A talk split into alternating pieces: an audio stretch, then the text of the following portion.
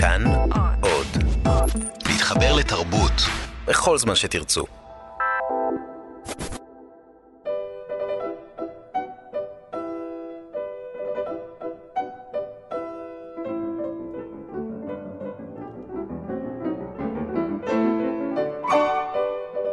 מאחורי הקלעים, שעה עם רותי קרן על צידו הנסתר של עולם התרבות והאומנות.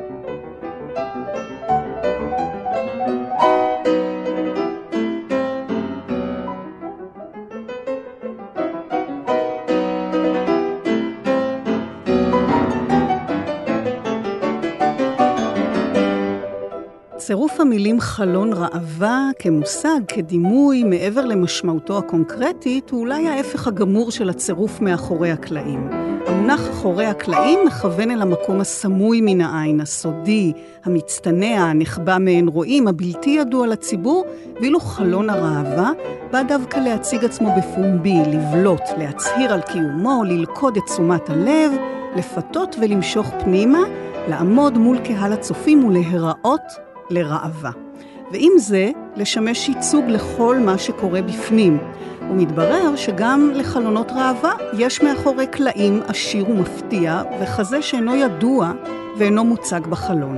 גם כאן, כמו בכל יצירה אומנותית אחרת, תכנון וחשיבה ואתגרים וכישלונות ואכזבות וביצוע וחומרים ואנשים, ולא, שום פייה לא מקימה חלון ראווה במטה הקסם שלה, הרבה יזע ודמעות משוקעים ביצירות הניבטות אלינו ברחוב מאחורי הזכוכיות.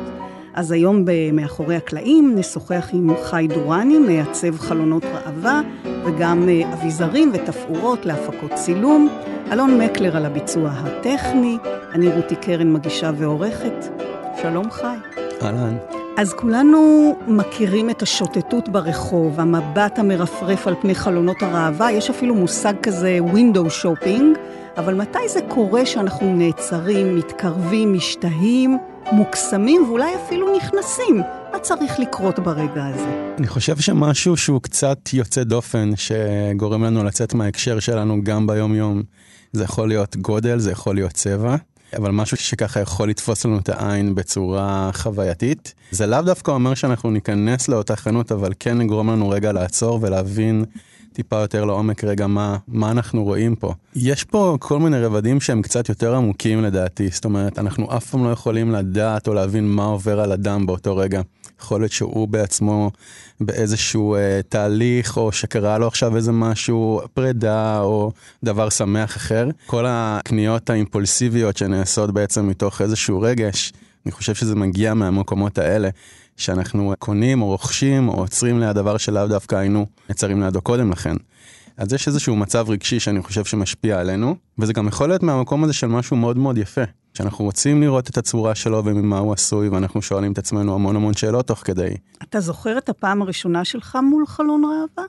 כן, חנות צעצועים מאוד קטנה ליד הבית. אני הייתי מסתכל על כל מה שהיה קשור בעולם הבובות, למשל, זאת אומרת, אותי זה, זה משך. אז הגענו לחנות הצעצועים, ובאותה תקופה זה גם היה פורים, ובחלון היו מוצגים גם המוצרים הרגילים וגם דברים שקשורים יותר לפורים. מסכות, תחפושות, כובעים. אני זוכר שמה העמדה של החלון, ככה כל אחד מאיתנו בחר איזה מסכה הוא היה רוצה. אז אני בחרתי מסכה ככה של אה, תרנגול, שהשתלבה מאוד יפה עם כובע. ואחי התאום אה, אה, מסכה של קוף.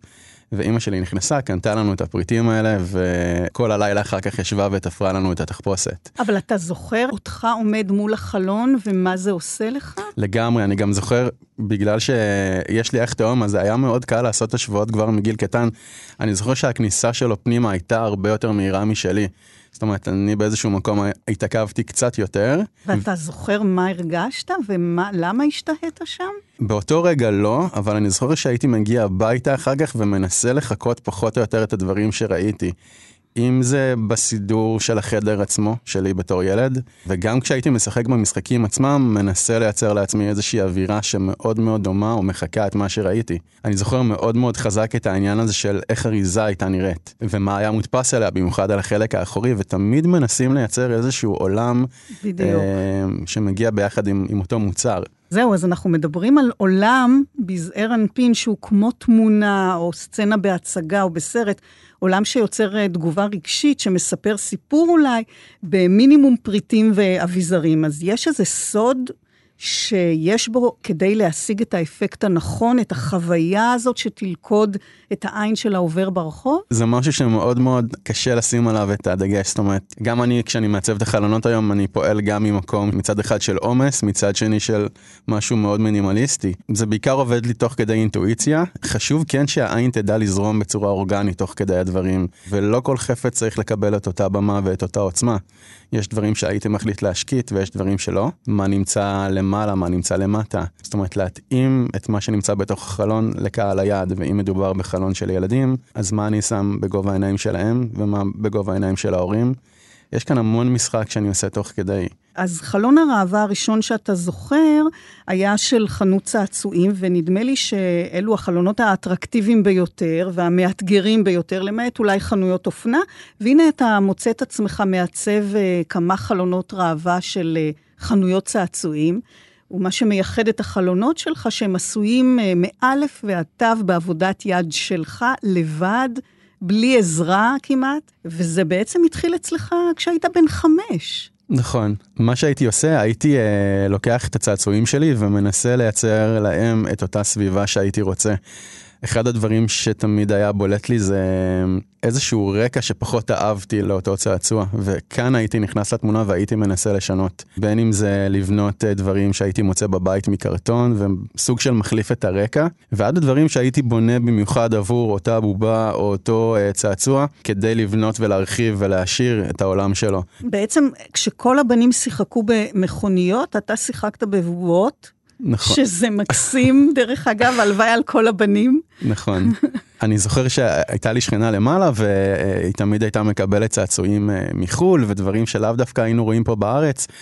וככה העין שלי הייתה מאוד מסתכלת בכל ביקור שלי למעלה, אצלם בבית, ובוחנת את הצעצוע הזה, ורק כשההורים שלי היו הולכים, הייתי מרשה לעצמי לשבת ולשחק איתה ביחד. ואני זוכר את הרגע הזה של הפתיחה הזאת של האריזה ומה היא מביאה בפנים, זה תמיד היה מגיע עם כל מיני חפצים של אה, שולחן ומסרק ופרטי לבוש, ואת הדברים האלה שהייתי רואה בתוך האריזה, הייתי מנסה אחר כך לחכות עם החומרים שהיו לי בבית. אני זוכר את המקרה הכי קיצוני שראיתי על איזושהי אריזה כמו תמונה כזאת של חוף ים. ברור שזה לא ים אמיתי, ונעשתה כאן איזושהי עבודת חשיבה ובנייה של אותו מותג צעצועים. וחזרתי הביתה וניסיתי לחשוב איך אני עכשיו בונה את הדבר הזה בעצמי. בונה בגיל חמש. לגמרי. איך? לגמרי. מה? זה התחיל מדברים קטנים שהייתי מנסה לעשות בכיור באמבטיה. אני זוכר שסתמתי את ה... לקחתי את הפקק של הכיור וסתמתי ויצרתי כמו אגם כזה, והייתי מנסה לצבוע אותו אחר כך ולהוסיף חול. ו... כשאימא הייתה מגלה זה לא היה נחמד, אבל uh, הדמיון הזה חלחל לכל מקום שהייתי נמצא בו בבית. ו... אז מה, היית גוזר, אה, צובע, מצייר, מה? כן, קודם כל, כל הכלים שהיו לי בתור ילד, שזה באמת צבעים ודבק ומספריים, וכשבאיזשהו מקום קצת נמאס לי מהחומרים הרגילים, הייתי פונה גם למטבח וגם לארון של אימא שלי, והייתי משחק המון עם הכלי תפירה שלה, ומוצא שם את החוטים ואת הכפתורים המיוחדים האלה שהיו נופלים לה והיא הייתה שמה בצד. אין כמו כפתורים. אין כמו כפתורים. ופשוט משחק עם מה שיש בבית, מה שהייתי מוצא. ועם הבובות. ועם הבובות, כן. כאילו תופר להם בגדים, אה, מסדר להם בית, חדר. הייתי מייצר את הבובות עצמן גם מכלים שהייתי מוצא במטבח, כל מיני uh, מכסים של סירים, ואני זוכר שהיה איזשהו פרק בפרפר נחמד זה היה, שהם עשו איזה משהו דומה, אז ככה ניסיתי לחקות את זה. ואז עם טושים הייתי יושב ומצייר וחושב איך אני עושה את השיער, ואבא שלי היה עובד עירייה המון המון שנים, אז הוא היה... Uh, הייתי לוקח את השקיות זבל וגוזר מהם את הבגדים ועושה שיער והייתי סופר עד חמש ופתאום היה נראה לא בובה אחת היו לי עשר בובות שהייתי מייצר. ו... שייצרת בעצמך ואף לג... אחד לא לימד אותך נכון זאת אומרת זה מה זה מין כישרון טבעי כזה? אפשר להגיד שלא לימדו אותי אבל uh, אני זוכר שהייתי מסתכל על אימא אימא שלי עובדת בגן ילדים עד היום והחלק היצירתי הגיע ממנה. ו... כל רעיון קטן שהיה לה בגן, אם זה קשור ללוח התוכן או עבודה עם הילדים עצמם, הייתי מסתכל מהצד וככה מנסה לחקות את זה בבית. ואיך קיבלו את זה בגן או בבית הספר, את התחביב הזה המשונה שלך? המורות נגיד מאוד מאוד אהבו, הבנות גם, הבנים, תמיד היה מה להגיד. אני חושב שבכיתות א'-ב' זה עוד איכשהו היה רגוע, אבל לאט לאט כשהייתי מתחיל להביא את הדברים שהייתי מייצר בבית לכיתה, זה גרם לי המון שאלות. כל מה שקשור למגדר וילד שמשחק עם בובות וזה לא נתפס כל כך טוב. אז באיזשהו מקום קצת התביישתי והיה איזשהו שלב שהפסקתי להביא את הדברים האלה. אבל כן הייתי מתעסק בהמון קישוט של הכיתה. שאתה בעצם משתמש בכל מה שיש, סיפרת לי אפילו בשולחן הקטן הזה שיש ב... נכון. בפיצה, לא יודעת איך קוראים לזה אפילו. נכון, פעם נכון? שהיינו uh, קונים פיצות, אז היה מגיעה פיצה משפחתית, והיה כמו חלק קטן כזה מפלסטיק עגול, כן. שהיה יושב uh, במרכז, וכל פעם שהייתי... נתקל בדבר הזה, מבחינתי זה היה אוצר, והייתי משתמש בהם בתור שולחנות, וכל דגם שהייתי בונה אחר כך, אם זה של סוכה או של בית, הייתי אוהב לבנות המון בתים, זה שימש אותי. אז אה, כל ההתעסקות הזו, המדהימה, אני חייבת לומר, בילדות, הובילה אותך לבחור אה, בתחום העיצוב. אתה פונה ללימודי אה, תקשורת חזותית בשנקר. בעצם רצית לה, בכלל לאייר ספרי ילדים. כלומר, יש לך משיכה די עקבית לעולם הילדות. נכון. החלק שאפשר באמת לדמיין ולעוף איתו, שם הוא מאוד מאוד גדול. בשנקר אני זוכר שבכל פרויקט ניסיתי להכניס את עצמי, את כמה שאפשר לתוך הפרויקטים, אם זה לבנות דברים ולצלם אותם, ולאו דווקא להתעסק עם דברים מוכנים, ממש לייצר את הדברים מעצמי מאלף עד תף. זה לא תמיד היה קל, לא תמיד התאפשר, אבל אה, איפה שיכלתי הייתי עושה את זה. הילדות מבחינתי זה זיכרון אה, מקסים ושמח ו... אם אני יכול לגעת בו בחיי הבוגרים, אני אומר תודה. כך יוצא שהצבת לא מעט חלון ראווה לחנויות צעצועים, אחת אפילו למי שהיו בילדותם בגן של אמא שלך. נכון, פנה אליי זוג מקסים שהיום מחזיק בחנות צעצועים. והוא רצה לעשות איזשהו אה, חלון לעונת הקיץ, ומכאן בעצם התגלגלו המון המון המון רעיונות. אז מה בנית שם? מה, מה יצרת להם שם? מה זה קיץ? זו בדיוק השאלה שככה שאלתי גם את עצמי. זאת אומרת, אם הייתי עכשיו עובר ליד חלון, מה הייתי מצפה לראות? גם בתור ילד. וקיץ בשבילי היה בעיקר הים, ותמיד אני מנסה לבנות את החלון סביב איזשהו אובייקט אחד מרכזי. במקרה הזה זה היה טירת חול, שהחלטתי לבנות בשבילם. זה הכניס אה, לגמרי לתהליך מדהים של חקירה וחומר, ואיך אני הולך לבנות את הדבר הזה. יכלתי למצוא פתרונות. פתרונות uh, זולים ויכלתי להדפיס את הדברים או לבנות אותם מחומרים uh, שאני מכיר, אבל במקרה הזה רציתי שזה ייראה כמו ארמון חול אמיתי. זה נראה אגב כמו ארמון חול אמיתי. תודה. אז מה הסוד? בדיוק ברגעים האלה שאני קצת תקוע מבחינת חומרים וממה לבנות, אני נכנס לכל מיני חנויות גם לא שגרתיות, ובאחד מהמקרים נכנסתי לחנות פרחים, וראיתי את הספוג הירוק הזה, ומי שמכיר, כשנוגעים בספוג הזה, אז הוא מאוד מקבל גם את הטביעות אצבע שלנו, והוא מאוד רך מצד אחד, אבל כשמערבבים אותו עם דבק הוא מאוד קשה. ואז לקחתי אותו בתור חומר גלם, ופשוט התחלתי לבנות איתו. ויצרתי שלד של ארמון חול, שאותו בעצם ציפיתי אחר כך בחול. זאת אומרת, בנית ארמון חול מספוג. נכון.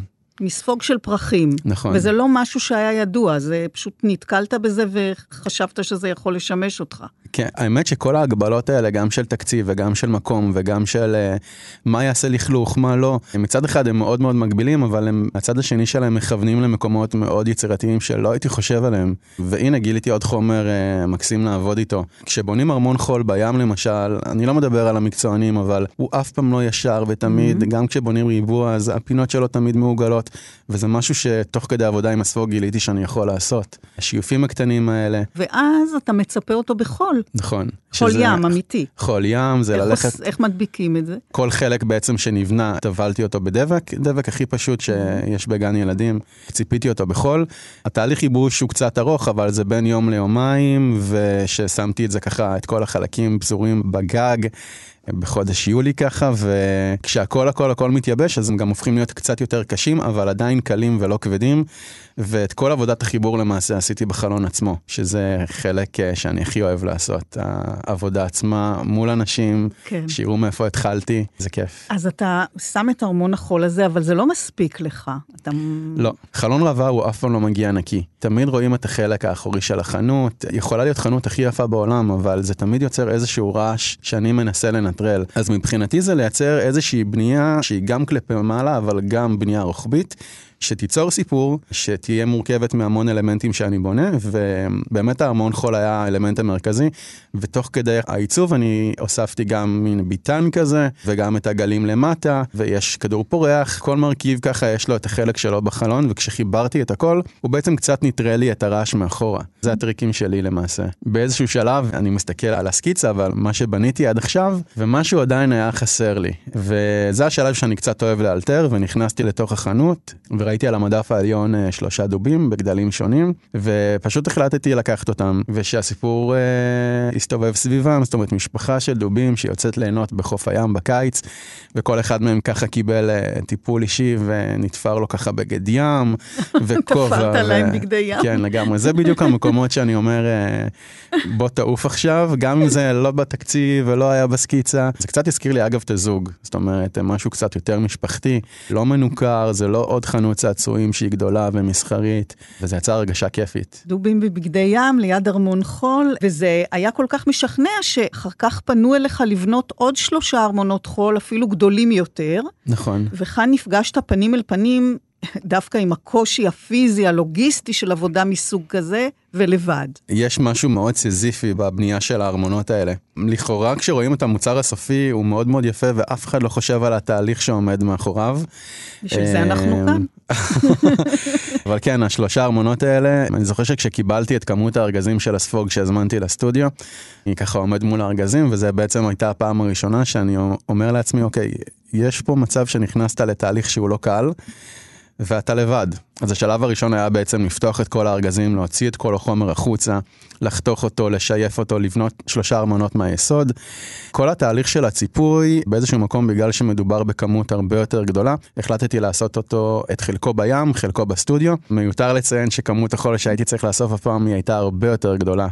ובחום, ולהגיע עם ציוד ששוקל המון, ודליים, ואני זוכר שזה הגיע למצב שכשאני מסיים... ככה לסנן את החול בים, והמון המון אנשים שואלים שאלות תוך כדי שבאיזשהו מקום זה נחמד, אבל זה קצת גם מפריע לתפקוד. למה אתה אמ, מסנן חול? מה בדיוק. אתה עושה עם כל החול? יש משהו בזה שראו אותי גונב חול מהים שיפריע לאנשים. אבל אני יכול להבין, זה גם, זה לראות משהו שהוא... קצת משונה. Uh, קצת משונה לגמרי.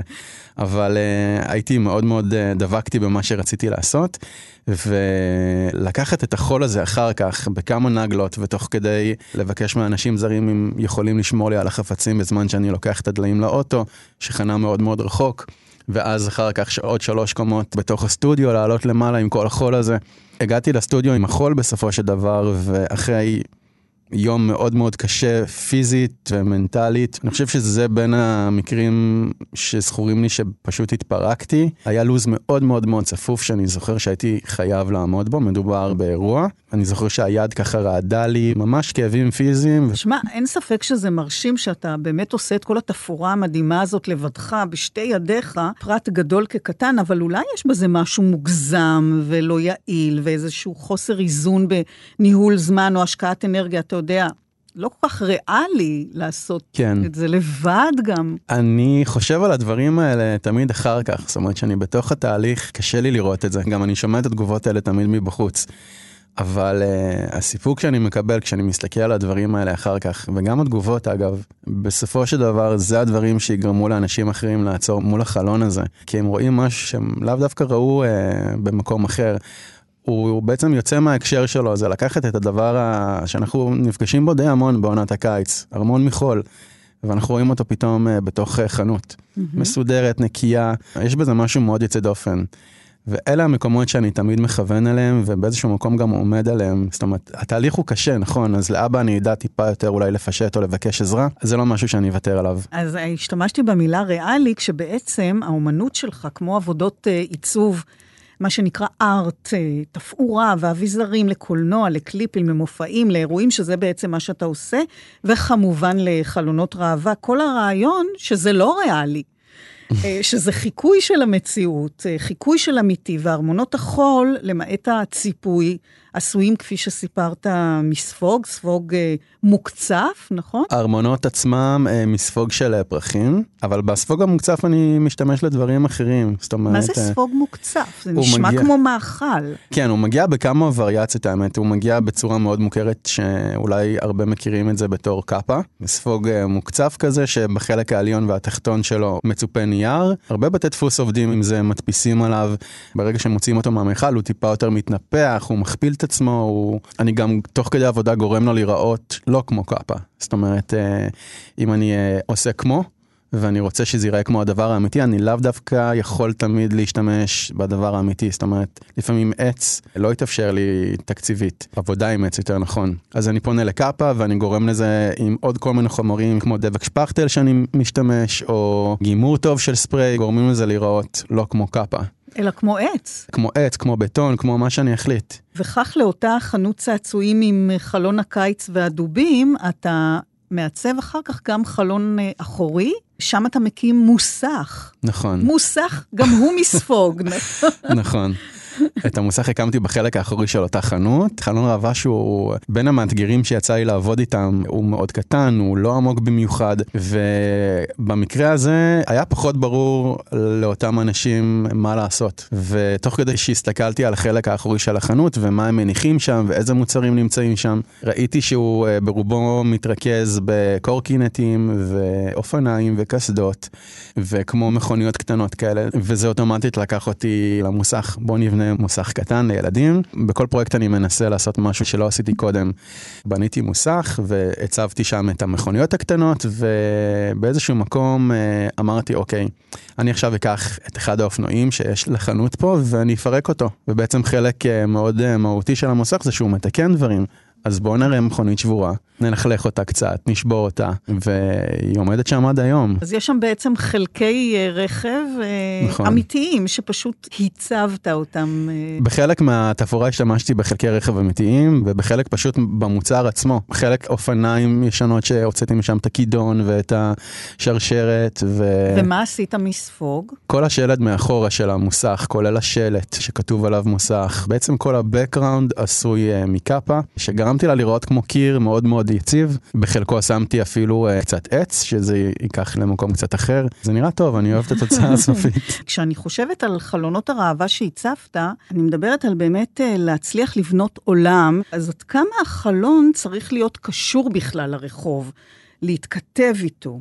אתה מתחשב בנתוני המקום, בסביבה, במה יש ליד, באילו אנשים עוברים שם. אני רוצה להגיד שכן, אבל uh, אם הרעיון טוב והוא לא יתחבר לי לסביבה, אני עדיין אלך על הרעיון הזה. אני כן מתחשב uh, באדריכלות ובאיך החנות בנויה, ומנסה לקחת את כל המידות שאני יכול כבר ביום הראשון כדי להבין איך אני בונה את החלון הזה. כל החלק של הרחוב דווקא הוא מעניין, כי הרחוב יכול להיות מאוד מאוד מאוד שומם ומאוד אפור, ו...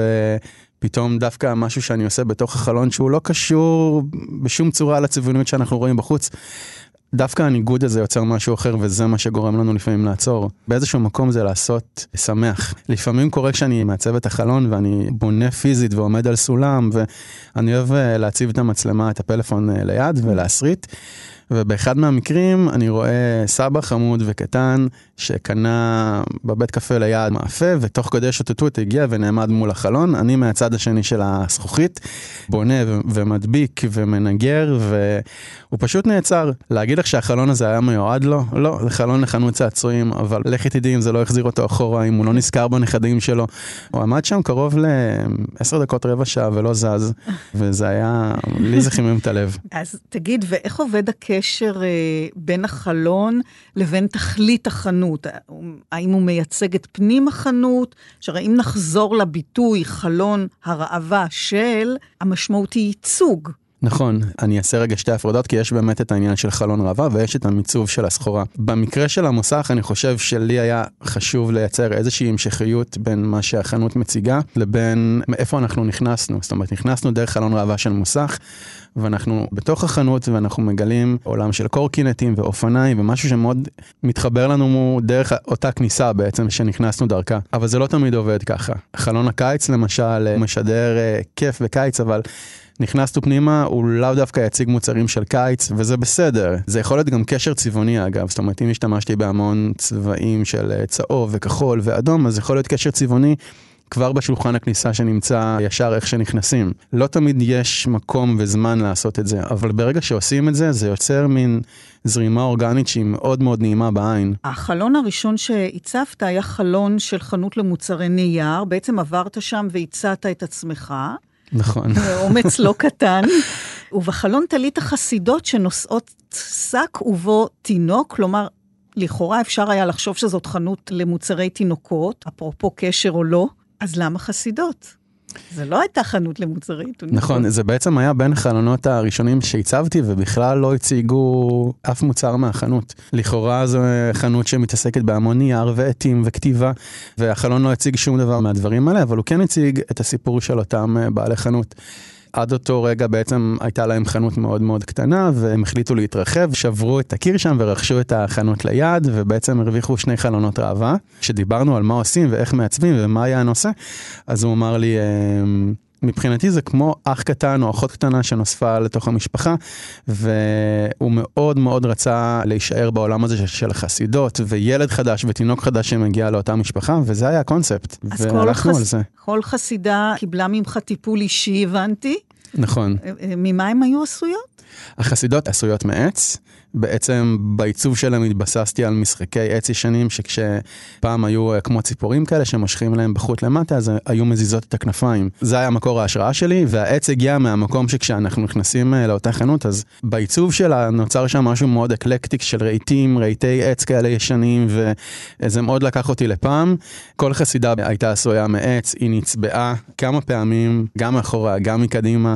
והמון חסידות. המון חסידות בגדלים שונים, ויצרנו בעצם כמו להקה כזאת. אז זאת הייתה טבילת האש שלך, מאז כבר הצבת כמה וכמה חלונות מרהיבים, אז מאין באים הרעיונות? מה מזין את ההשראה? זה יכול להיות ממשפט קטן שאני שומע, שחבר אומר, ועד לסרט שככה יצאתי ונתן לי הרבה חומר למחשבה.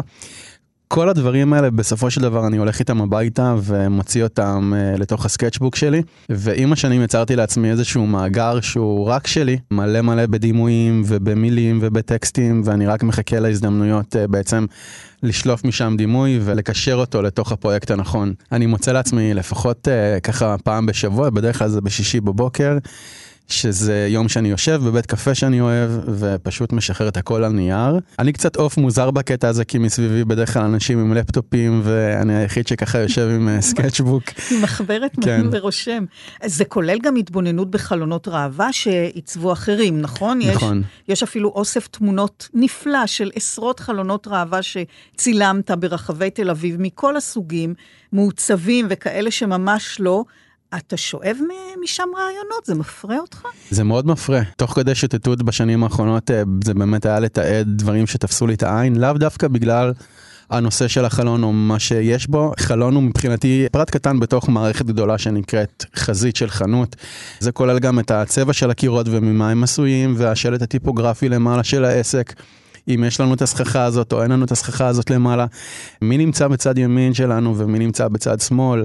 מבחינת השראה, זה יכול להיות גם השראה חומרית מבחינתי. זאת אומרת, אה, הדברים הישנים האלה שאני מאוד אוהב לעשות, או לגרום להם לראות ישנים, אני לוקח דווקא משם. איך נראית הטיפוגרפיה הישנה של תל אביב, זה משהו שלא הייתי יכול למצוא בו, אם לא הייתי הולך ומשוטט באותם רחובות ישנים. אז יש לך מאגר אה, דימויים שאתה שולף ממנו לפי הפרויקט. איך למשל אה, הגיע רעיון הצגת פינגווינים בחלון? זה הרי לא ממש קשור לישראל, לחום כאן, זה משדר קוטב, קור, נכון. עולם מאוד רחוק. במקרה הזה רצינו לעשות uh, חלון חורף, והחורף מביא איתו גם את חנוכה וגם את כריסמס. אני זוכר שבמקרה הזה לבעלת החנות היה מאוד מאוד חשוב שהחלון, בגלל שאנחנו בישראל, לא ייראה נוצרי. והרעיון התחיל במקרה הזה של אי שלג, שבאיזשהו מקום אה, עליו ביססתי את החלון. פניתי גם כאן לספוג, וזה היה השלב שבעצם חקרתי כל מיני ציפויים שיכולים אה, לדמות שלג, והתחלתי מקוקוס. יצאתי עם תשע קילו קוקוס אה, מחנות אה, תבלינים, והתחלתי להדביק, ואחרי יומיים של ייבוש ראיתי שהקוקוס לא מתייבש, הוא גם סוג של מתחיל לעלות עובש. והבנתי שכנראה הבחירה בחומר הזאת לא הייתה טובה, כנראה שהוא היה קצת יותר שומני ולא תפס את הדבק טוב, והתחלתי לגלף את כל השכבה החיצונית של הקוקוס מהספוג, ופניתי למלח, ופניתי לחול uh, לבן, ופניתי למלא מלא חומרים שאף אחד מהם לא הצליח לי. מה ו... קרה עם המלח? המלח נדבק לעצמו, אבל הוא לא, הוא לא נדבק לחומר, הוא לא נדבק לספוג, הוא מתגבש, יכלתי לפרק אותו בעצם עם האצבעות, הוא יצא מאוד יפה. זה כן, כן אבל... הוא נראה uh, כמו שלג? הוא נראה כמו שלג, uh, אבל ילדים, כמו שאני מכיר אותם, הם תמיד נוגעים בדברים, וזה לא היה מחזיק אה, מעמד בחלון. שלג שהופך למלח. למלח, כן. אחרי המלח נזכרתי בארמון חול, ואמרתי, אוקיי, בוא ננסה לעשות את זה מחול, ואז אולי לצבוע אותו. גם משהו שלא עבד, ראו את הצבעוניות הירוקה חומה הזאת של החול והספוג ממתחת, מבעד לספרי זה לא, לא היה נראה טוב בשום צורה, וידעתי שגם יש חומרים שלא רציתי אה, לפנות אליהם כי היה לי איזשהו סטנדרט מסוים בראש, אז נגיד לא פניתי לא לאקרילן ולא לבדים, שיכלתי לפתור את הדבר הזה תוך שנייה איתם, אבל לא רציתי, רציתי שזה ייראה שלג. למעשה כל חומר שפניתי אליו אה, סוג של אכזב והרגשתי שכולם מפנים לי עורף, חומרים שעבדתי שעבדתי איתם המון שנים, הופכים להיות סוג של אה, אויבים כרגע בתהליך הזה ובלוז הזה. עד כדי כך. עד כדי כך. והדדליין הולך ומתקרב. נכון, והלחץ לא מוסיף לתהליך. אני מרים טלפון אה, לבעלת החנות ומסביר לה את המצב. והיא זאת שדווקא גורמת לי רגע להירגע ושולפת מתוך הסקיצות הראשונות שהצעתי לה את הפינגווינים. שהיו קיימים מה, באותו מאגר דימויים במחברת רישומים? כן, אני מאוד אוהב להתעסק עם חיות בלי קשר ופינגווינים מאוד מתקשרים לחורף ולקור ובעצם קיבלנו החלטה במקום אה, לייצר תשעה פינגווינים, אחד לכל יום של אה, חנוכה. האמת שזה התברר אחר כך בתור אה, החלטה מאוד מאוד נכונה ובניתי את הפינגווינים האלה בכל מיני גדלים. בנית את הפינגווינים? כן. ממש הם, כן, מעשה ג... ידיים. נכון, הם היו מורכבים מקאפה, וציפיתי אותם אחר כך בלבד, בצבע שחור ולבן, וכל אחד מהם קיבל פופיון קטן בצבע אדום. גם כאן, אגב, בדומה לחלונות האחרים, him כשהצבתי אותם, הצבתי ביוד, וראיתי איך הם עומדים יפה, ואיך הם מתקבלים טוב על הרקע המושלג הזה שעשיתי. עדיין משהו היה חסר, הגעתי לחלון יפה, שאני אוהב, אבל... רצית ו... משהו מעבר. כן, רציתי, זו עונה מאוד מאוד חגיגית. והדבר הקטן הזה היה חסר, וזה היה הרגע שאמרתי, אוקיי, אני מכין להם כלי נגינה. אתה יודע, תמיד רואים בסרטים המצוירים שכל פינגווין הוא לובש טוקסידו קטן כזה, אז כל אחד קיבל כלי נגינה והיה מנצח, והיה אחד שמנגן על תופים, ויצרתי מקהלה אחת שלמה. תזמורת, שגם את כלי הנגינה אתה...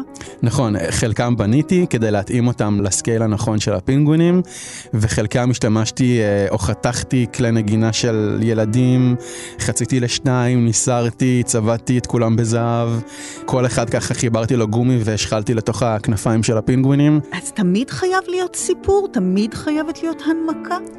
תראי, כשחושבים סיפור זה לאו דווקא אה, התחלה, אמצע וסוף. אין פה נקודת שיא, אין פה, אבל... אה, זה מזכיר לי את העניין הזה של האם אני לוקח אה, בתור דוגמה את החלונות של אה, טיפניז. יום אחד ישבתי בבית וראיתי אה, איזשהו אה, סרט דוקומנטרי על אותו מעצב חלונות רב שהיה מעצב להם במשך שנים, והוא בנה חלון מדהים, ובסופו של יום הוא ככה מסתכל והוא אומר, הכל יותר מדי מושלם לי בחלון הזה. ואנחנו מדברים על חלונות שמציגים תכשיטים בשווי של אלפי שקלים, אם לא יותר. ובאותו רגע הוא מחליט לקחת את המחרוזת פנינים שהוא הציב שם בחלון ופשוט לקרוא אותה, וככה הוא החליט להציב אותה בחלון, כשהשרשרת אה, קרועה והכל מפוזר שם. וכשעוברים ליד החלון אי אפשר שלא לשאול את השאלות של מה קרה לפני ומה קרה אחרי שהשרשרת נקרעה וזה סיפור שאנחנו מדמיינים לעצמנו. סיפרת על חומרים שניסית בראשית התהליך, על אה, מוצרי אה, מזון, אה, קוקוס, מלח. לחנות הזאת הצבת חלון ראווה נוסף לרגל יום ההולדת שלהם, והצבת בחלון עוגות ועוגיות וגלידה וצמר גפן מתוק ואריזות מתנה, אבל אני מניחה שאף על פי שמדובר בעוגות, הפעם לא השתמשת בחומרי אה, מזון, אלא שוב בכאילו. נכון. גם שם היה לי איזשהו משבר שלא ידעתי ממה לבנות כל כך את הדברים, כי מצד אחד רציתי שזה ייראה אמיתי, אבל אני לא יכול שזה יהיה אמיתי. סוכר ונמלים ועזבי, סיפור שלם. הספיק לנו הקוקוס. לגמרי.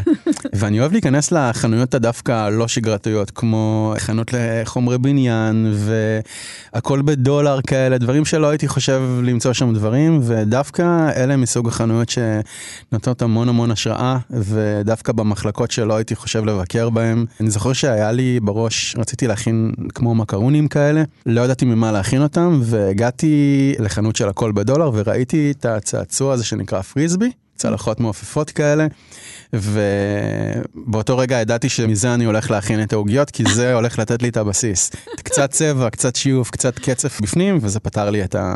אז המקרונים שהיו בחנות עשויים מצלחות פריסבי. נכון. והעוגה העוגה שרואים את הקרם ככה נוזל. נכון, העוגה משולבת, הבסיס שלה עשוי עם עץ חלול כזה, והיא מצופה מחומר שנקרא מפל וסול, שזה חומרים אגב שאני מכיר מאז שאני ילד, ואימא שלי עובדת איתם בגן ילדים, ויש משהו בזה שאני משלב את החומרים. המאוד מאוד זולים עם חומרים של אה, בניין וספריים של אה, אנשים שהם עושים גרפיטי בצורה מקצועית, הכל הכל מתחבר ביחד לחלון מהודק אחד, ואני אוהב את האקלקטיות הזאת. כמה זמן דרוש להקים חלון כזה? אני חושב שחלון טוב כזה יכול לקחת לי באזור החודשיים, במינימום. שתביני שחלונות בחו"ל שעובדים עליהם, זה משהו שחושבים עליהם בין חצי שנה לעשרה חודשים לוקח להקים חלון. כן, אז זהו, אתה, החלונות ראווה בחו"ל, איטליה למשל, ווינדו שופינג, או בעצם סתם שוטטות בין חנויות, זה מוזיאון רחוב לכל דבר. יש חשיבה על צבעים, על כל פרט, על הכפלות. ראיתי פעם בוונציה חלון ראווה של כפפות, רק כפפות היו בחלון. ואיזו חגיגה צבעונית אה, משגעת. לא היה צריך יותר שום דבר. או חלון של בגדי ים ותיקים ומשקפיים, אבל כולם היו צבועים בכתום. כלומר, הצבע האחיד לכל האביזרים נתן את ה... הצבע הוא לגמרי נושא, וגם העניין של ההכפלות שהזכרת, הוא יכול לתת פתרון מאוד מאוד טוב להמון המון בעיות. לפעמים לא יודעים מה לשים בחנות, ואם לוקחים מוצר שנראה טוב ובעצם משכפלים אותו 20, 30, 50 פעם בתוך החלון, הוא נותן אפקט אחר. כן, זהו, יש uh, בלי סוף דוגמאות, החלון של הרודס בלונדון, שהקימו רכבת אקספרס, כל חלון הוצב כקרון שונה ונתן אשליה של תנועה. 50 איש עבדו 500 שעות על החלונות האלו. סלפריג'ס עם מיניאטורות שעשויות מעוגיות, 400 שעות עבודה. לואי ויטון שפיסלו חיות עשויות מן התיקים המוכרים שלהם, ורשת החנויות אנתרופולוגי, שצוות של מעצבים וציירים ונגרים ופסלים שהקימו תפאורה ענקית כמו סט של סרט. כלומר, אין ספור עובדים, אלפי שעות עבודה, ולך יש, אה, במקרה הטוב אתה אומר חודשיים, נכון. לפעמים זה אפילו פחות. נכון. ואתה לגמרי לבד, אין לך 500 עובדים. אז איך עושים את זה? על מה מתפשרים? איך זה... הסקיצות הן אה, מאוד מאוד עשירות, הן מתחילות ממשהו מאוד גבוה שהייתי רוצה לייצר, וכשאני... שזה אתה עושה בעיפרון? אתה מצייר? עיפרון, כן, עם עצמי בבית קפה. יש את השלב של ההדמיה שמגיע אחר כך, וזה... הדמיה ב... ממוחשבת. נכון. אני בדרך כלל מצלם את החזית של החנות מכל מיני אה, זוויות, ועליה אני בעצם אה, מצייר את ההדמיה במחשב. ברגע הזה אני בעצם מחליט איפה אני פחות עף, ואני חייב לשים את הרגליים על הקרקע כדי לבצע את הדבר הזה בסופו של דבר, וגם העניין של הפרקטיות. קינטיות, מה נכנס לתקציב, מה לא. יש המון המון דברים שהייתי רוצה לייצר, כמו תנועה וקינטיות ותאורה, אבל דברים שלצערי אני לא מגיע לשם, כי אין זמן. יש לי איזושהי שיטה שבדרך כלל, אה, זאת אומרת, אם אני רגע לוקח את החלון ומפרט אותו לגורמים, אז הוא בדרך כלל מורכב מרקע, מאובייקט אחד מרכזי, ועוד איזה שניים שלושה שעומדים לצידו. לא כולם מקבלים את אותה התייחסות, בדרך כלל הרקע הוא טיפה יותר אה, פשוט, אז מבחינת הלוז והזמן עבודה עליו, הוא פחות מורכב, ורוב ההשקעה באמת הולכת לאובייקט המרכזי. זו בעצם חלוקת זמן שלמדתי לעשות עם השנים. כן, אבל יש לך שאיפה לשנות את עיצוב חלונות הראווה בארץ, נכון. למשהו שיותר דומה לאיך שעושים את זה בחו"ל. לגמרי. את יודעת, זה להסתכל על הדברים האלה, וכל חלון כזה שקורה בחו"ל, זה הופך להיות טקס, כל חשיפה שלו. כרוכה בווילון וגזירה של סרט והתקהלות עצומה של אנשים, וזה מדהים. ובכל זאת אתה, הנה, אתה מצליח לעשות uh, חלונות מרהיבים uh, במינימום זמן, ואתה אוהב, ככה הבנתי, שזה מצליח לגרום לאנשים לשאול אותך, איך עשית את זה? אני בדרך כלל מספר. Mm-hmm. מה זה בדרך כלל? אני, אני, אני מספר גם, חלק מהעבודה על החלון נעשית על הרחוב, או ברחוב עצמו, יותר נכון, על המדרכה. אנשים רואים ממה זה עשוי, אני גם נותן לגעת. המון המון שאלות נשאלות תוך כדי, ואם שואלים אותי ממה זה עשוי, אני גם מספר. אני אוהב לחלוק את המידע הזה. ובכל זאת, יש כאן הרבה מגבלות של תקציב ושל מקום ושל זמן ושל נתונים בסיסיים. אה, אני יודעת, חוסר מקום בחלון, דרישות הלקוח, התמודדות מול טרנדים. טרנדים מבחינתי אני שם בצד כי זה משהו שאני לא דוגל בו. טרנד יכול להיות יפה אבל לאו דווקא נכון. טרנד יכול להיות צבע ויכול להיות חומר ויכול להיות... אה, זה כמו שאני אגיד עכשיו היה לא מזמן אה, כל מקום שהייתי מסתכל הייתי רואה חדי קרן. וכשהיו מבקשים ממני לעשות חלון של חדי קרן באיזשהו מקום לא רציתי. באחד החלונות הייתה לך למשל מגבלה של המבנה עצמו. ובעלת החנות סירבה לשנות את מה ששם הפריע, וזה הביא אותך גם לטעויות במידות. בעצם uh, הגעתי לחלון שהייתה שם uh, מנורה כזאת מאוד מאוד גדולה שלא יכולנו להזיז אותה. היא הייתה מאוד יקרה, היא הייתה עשויה מזכוכית, ובעצם זה... שהייתה קבועה בתוך המבנה. היא הייתה קבועה בתוך המבנה של החלון, וזה משהו שהוא מאוד מאוד בלט, ולא רציתי שהוא יהיה חלק מהמכלול של העיצוב, ואת כל העיצוב בניתי סביב הדבר הזה, ובעצם דאגתי להסתיר אותו. אחד הדברים שנתקלתי בהם זה שהגג שבניתי לאותו מבנה לא נכנס לי במידות. זה לא משהו שכיף לי להיתקל בו, לא באותו רגע בשביל עצמי, בטח שלא בעלת החנות נמצאת ליד. זה כן מראה על איזושהי טעות, אבל מהצד השני על... על אנושיות, כי זה משהו שנבנה ביד, ועם כל זה שלקחתי את המידות לפני, עדיין אנחנו בני אדם, וזה טופל וסודר. וזה ו... קורה לעיתים רחוקות, אבל זה קרה, ואז אתה אומר שאתה מתחיל לעבוד בעצם במקום עצמו, ברחוב, כשכולם מסתכלים. נכון. אה, איפה אתה עובד בדרך כלל? עד לא מזמן הייתי בונה אותו בבית, אם זה בסלון או בגג של הבניין או מתחת לבניין. המקומות האלה הם לא תמיד פרקטיים גם בגלל השטח שלהם וגם כי הרבה שכנים היו נוגעים וחתולים מטפסים ובמיוחד אם אני משאיר משהו צבוע.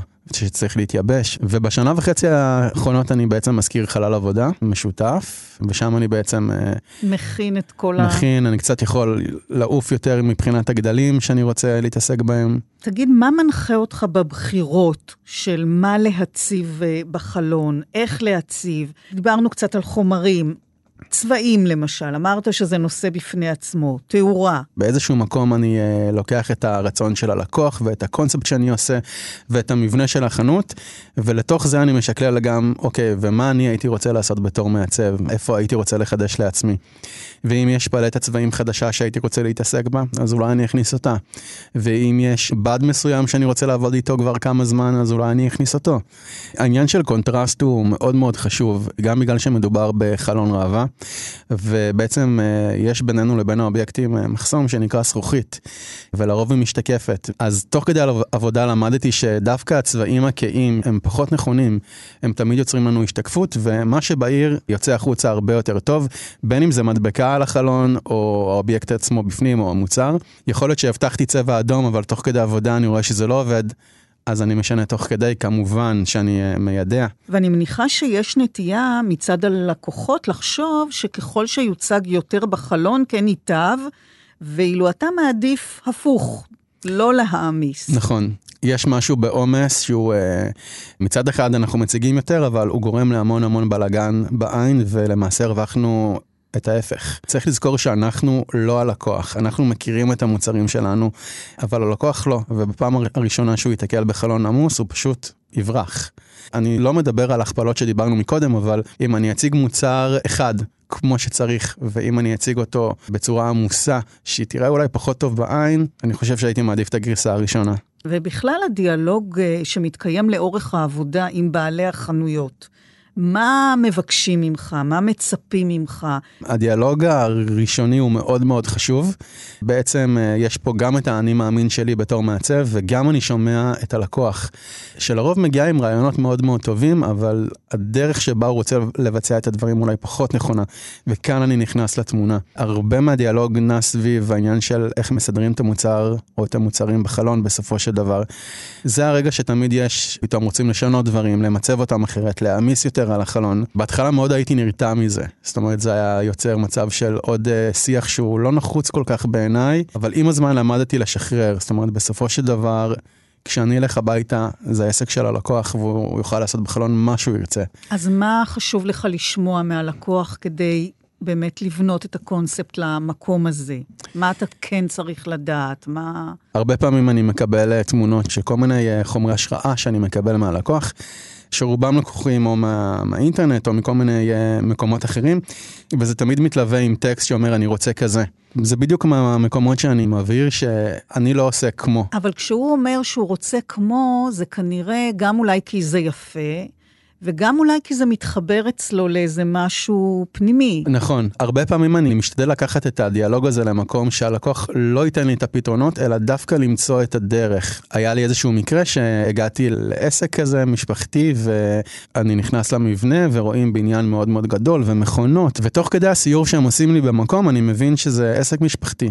שנולד בתור משהו מאוד מאוד קטן, וגדל לממדים האלה, והגענו למסדרון הקטן הזה בתוך המפעל, ופתאום אני רואה את התמונות על הקיר.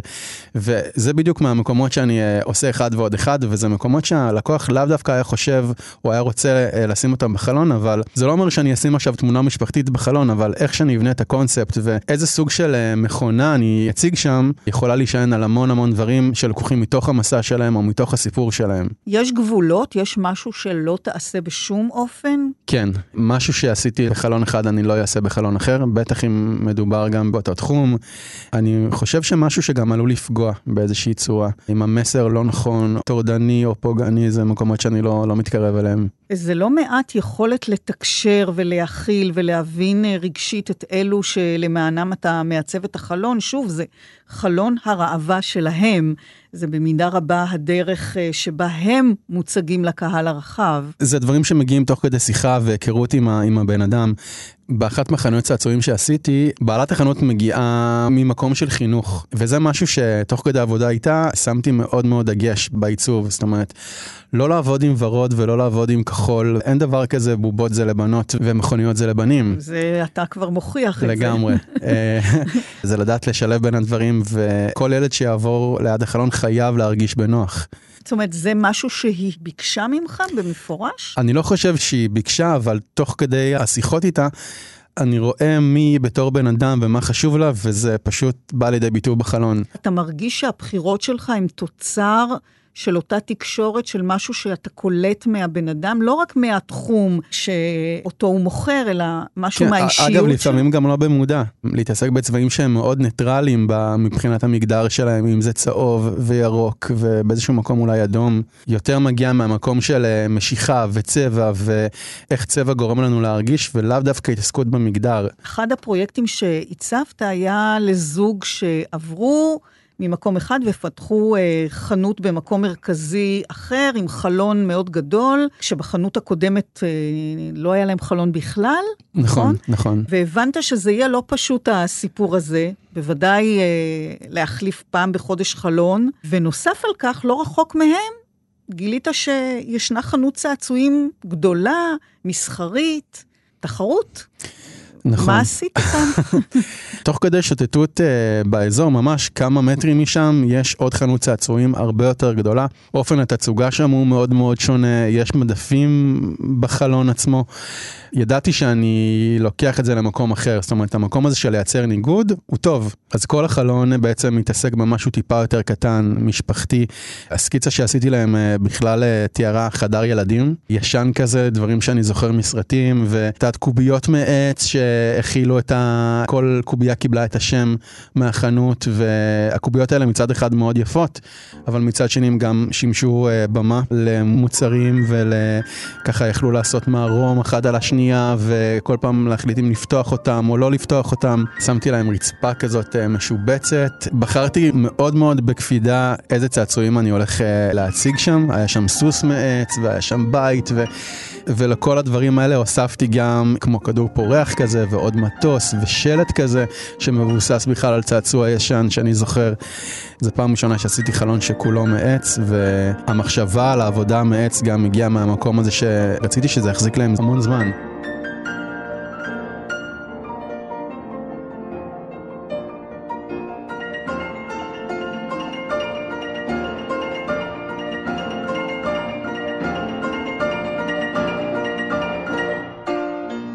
הצבת בעיקר אה, לחנויות צעצועים, אבל התנסית גם בחלון ראווה של חנות אופנה.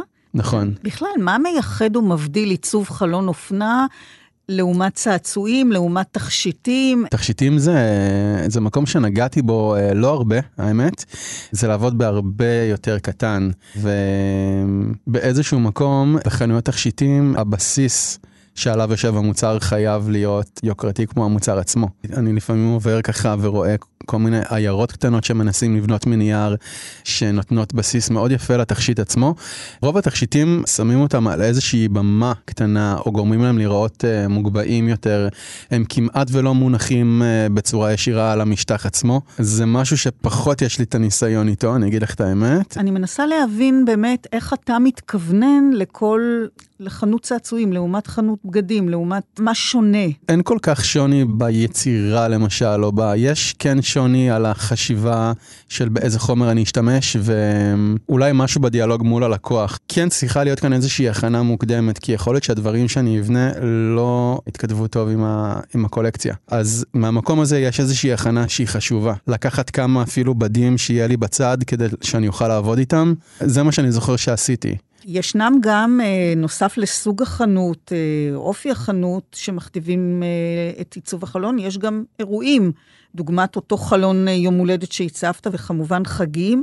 אז בחו"ל יש לנו את חג המולד, חג הדוכנים וחלונות הראווה, ואצלנו יש uh, תפיסה לגבי חגים, או נניח מכירות סוף עונה. האמת שסוף עונה זה נושא בפני עצמו, כי עד לא מזמן הטיפול או ההתייחסות לחלון בסוף עונה היה זהה כמעט בכל חנות. היינו רואים את השלט האדום שכתוב עליו סייל מאוד מאוד יפה. היו מוציאים מהחלון בעצם את כל הבובות, את כל הדברים, והיו משאירים חלון ריק עם שלט. Mm. היום אם, uh, יש איזושהי מגמה כן לנסות ולהשאיר את החלון גם בתקופת סוף עונה, שזה מקסים בעיניי. וגם אם לא, אני תמיד הייתי מגיע ממקום של... Uh, סיפרתם סיפור כל כך יפה במהלך עונה, ופתאום בסוף עונה אתם מפסיקים לספר אותו. אבל גם סוף עונה יכול לספר סיפור, או להמשיך את הסיפור הקיים בצורה טיפה יותר מינימליסטית או יותר מותאמת. באיזשהו מקום בא לי שאנשים יזנחו קצת את הצבע האדום, כי רואים את זה בכל מקום. uh, העניין הזה של להגיב לאירוע, להגיב לעונה, גם החופש הגדול זה אירוע, וגם החורף זה אירוע. לשניהם יצא לי לעשות uh, חלון, אם זה הפינגונים ואם זה החלון קיץ. ובשניהם חיפשתי את הסיבה החגיגית הזאת ליציאה לחופש, או החורף, או הגשם הראשון.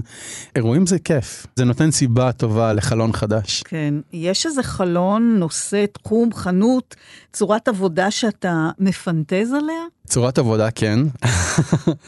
החלום זה באמת לעשות סדרה של חלונות שידברו אחד עם השני. של אותה אה, חנות. של אותה חנות. אני חולם על אה, להכניס תנועה לתוך דברים, דברים שמסתובבים, דברים שעפים, דברים שעולים ויורדים. במיוחד בחלונות אה, של צעצועים זה, זה מדהים. וכן, מצד אחד אני מאוד מאוד רוצה ומקנא ורק חולם לעבוד עם הגדולים ביותר, ומצד שני, בגלל שאני גר פה, ולא בא לי לוותר על זה כל כך מהר, לשים את הדגש פה, איפה שצריך. אז זהו, אז אה, אפרופו חלומות, אה, היה לך חלום קטן, סיפרת לי שהייתה איזה חנות ברחוב המלך ג'ורג' בתל אביב, שתמיד רצית לעצב להם חלון. זו חנות שהייתי עובר לידה המון, חנות שקיימת המון שנים גם, ומשהו בסידור של החנות ובמבנה של החלונות קסם בעיניי, ובאיזשהו מקום תמיד שהייתי עובר ליד... הייתי מאוד מתבייש. זאת אומרת, עדיין לא היה לי כל כך את הניסיון, וחשבתי לעצמי, אוקיי, הם, הם מסתדרים יפה לבד, ואף פעם לא נכנסתי לשם אה, להציע את עצמי. אפשר לומר שנזכרתי קצת מאוחר, ולימים הבנתי שבעלת החנות נפטרה, ולמעשה פגשתי את הבת שלה בחלל עבודה שאני uh, מזכיר. במקרה. במקרה, לא ידעתי מי היא והיא לא ידעה מי אני, והתפתחה שיחה מדהימה. ו... ואז הסתבר לך שהיא הבת של נכון, בעלת חנותה. נכון, והכירה לי את אחיה, ובאיזשהו מקום היה לנו מאוד מאוד ברור שאנחנו עושים חלון ביחד. הם סיפרו לי שאימא שלהם הייתה מסתכלת על החלונות שהייתי עושה, ובאיזשהו מקום אולי הייתה מאחדת לעצמה חלון כזה. אה, הם ידעו שהיא ראתה חלונות שעשית? כן, הם, הם ממש סיפרו לי את זה, וקצת באיזשהו מקום זה גרם לי להרגיש uh, מצד אחד פספוס, כי זה באמת חנות שרציתי להיכנס ולעבוד איתה. והמחשבה הזאת שהיא רצתה, ואני חשבתי שהם מסתדרים. היא רצתה, ואתה uh, רצית, ואף אחד לא העז לי. כן. אז השיחה, הייתה לנו שיחה טובה, וככה שאלתי אותם uh, אם יש משהו שאימא אהבה, והם העלו uh, שם של ספר ילדים.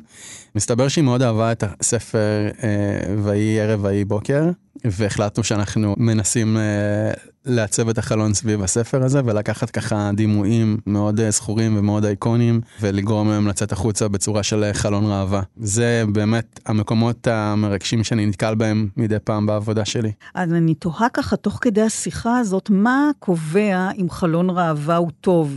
אם הוא גורם לנו להיעצר, אם הוא גורם לנו להיכנס לחנות, אם הוא גורם לנו לקנות. מה מבחינתך יוגדר חלון, אה, אמרת לי שלאו דווקא המילה יפה, אבל מושך, ייחודי, מעורר תגובה? גם אני, בצורת עבודה והחשיבה שלי, מנסה לפעול uh, סביב העניין הזה של רגש. ואם הצלחתי להפעיל איזשהו רגש בצד השני, בין אם זה משהו טוב או שמח או נקודת, למצוא את הנקודת חיבור הזאת, אז מבחינתי אני uh, עשיתי את שלי והחלון ראווה uh, עשה משהו והוא עובד. זה לאו דווקא מהמקום של לגרום למישהו uh, להיכנס עכשיו לתוך החנות, כי זה יכול להיות שהחנות לא מותאמת לו, או שהוא לא קהל היעד, אבל uh, התחושה הזאת של לעשות טוב, של חלון שנמצא ברחוב, ואנחנו לא יודעים מה עובר פתאום על האנשים שעוברים ליד, וזה... יכול לעשות uh, פלאים. תשובה מעניינת, אגב, על השאלה הזאת נתנה לך בעלת uh, חנות הצעצועים שהצבת לה כמה חלונות. תשובה אחרת לגמרי. כן, היא אמרה לי שהמדד שלה לקביעה של uh, חלון טוב זה לפי כמות הטביעות אצבעות על הזכוכית. ובסוף החלון שהצבתי לה, בסוף יום ההקמה, אז היא אמרה לי שזה החלון אה, עם הכי הרבה טביעות אצבעות שהיא ראתה. אה, אני חושב שהיא אמרה את זה אפילו שבוע אחרי שהיה לה ככה את הזמן. אה. כן, וכשאתה מסתכל על החלונות שלך, נניח כעבור זמן, יש ביקורת? תמיד, תמיד. גם היום כשאני מסתכל ואני ככה נובר בתמונות, תמיד יש משהו שהייתי משנה, או כן. מזיז, או צובע אחרת. בסופו של דבר זה תהליך של למידה גם עבורי. ועדיין נדמה לי שהרגע הכי מרגש, אתה יודע, מתארחים כאן אנשים שחלקם אה, ביצירה האומנותית הוא עצום, שגם אם הם אינם ידועים, או נמצאים בחזית, הם אומנים לכל דבר, אבל אנחנו שבאים במגע עם היצירה לא יודעים שהם אחראים לה. אז כשאתה עומד ומביט אה, בחלון שהצבת, ולידך עוברים ונעמדים, עוברים ושבים ומגיבים, ולא יודעים, מה ההרגשה? את יודעת, זה מסוג הדברים האלה שכשאני בונה את החלון, אני דואג לצאת החוצה ולהיכנס ולצאת ולהיכנס כמה פעמים כדי לראות אם הדברים עומדים נכון ואיפה אני מזיז. וכשאני נמצא ברחוב, אני מסתכל לתוך החלון, ואני עדיין בתהליך הבנייה שלי עם עצמי, ואני יכול להיות שם חמש דקות, ואני יכול להיות שם גם עשר דקות. לאט לאט מתקהלים אנשים מסביב, וזה באמת איזשהו רגע אמיתי שאני זוכה לשמוע תגובות הכי אמיתיות מהרחוב. אגב, גם של ילדים, וזה הרגע שאני אומר, אה, זה הסיפוק הכי גדול שיכלתי לבקש. זה תגובות האמיתיות האלה שסביר אה, להניח שלא הייתי זוכה לקבל אותן, הן היו נאמרות לי פנים מול פנים. ועם זה אני הולך הביתה, וזה מה שנותן לי את הכוח אה, להמשיך ולעשות את החלונות האלה שאני מאוד מאוד אוהב. יש משהו מסוים שאתה זוכר שאמרו פעם? היה משהו מאוד מסוים, זה, אני יכול להגיד לך שזה אפילו לא היה במילים, זה היה איזשהו מבט שקלטתי וזה פשוט אמר הכל. זה היה מגברת יחסית אה, מבוגרת, וזה הבן אדם האחרון שהייתי חושב שיעצור ליד חלון כזה, ואת יודעת, היה לה מבט שהוא אה, חצי מרוגש, חצי... אה, לא כל כך יודע איך להעביר את זה במילים, אבל הייתה שם איזושהי השתאות שלה, והשקט הזה שעבר, פשוט את חדר לי לתוך הגוף והעצמות, ואי אפשר שלא לחשוב באותם רגעים מה זה מעורר אצלה, ואיפה זה תופס אותה, ומה זה מציף. אמ, את יודעת, זה אפילו ברמה שהמבטים שלנו לא, לא נפגשו. זאת אומרת, היא לא יודעה מי אני ואני לא יודע מי היא, ורק הסתכלתי על הסיטואציה מהצד. ועם זה הלכתי הביתה. חי דורני, תודה רבה לך. תודה לך. בתוכנית מאחורי הקלעים שוחחנו היום על אה, עיצוב חלונות ראווה. תודה למעצב חי דורני, אני רותי קרן, מגישה ועורכת. עוד uh, תוכנית של מאחורי הקלעים גם בשישי הבא בשש, וכמובן בהסכת באתר וביישומון כאן, לצד כל התוכניות הקודמות. להתראות.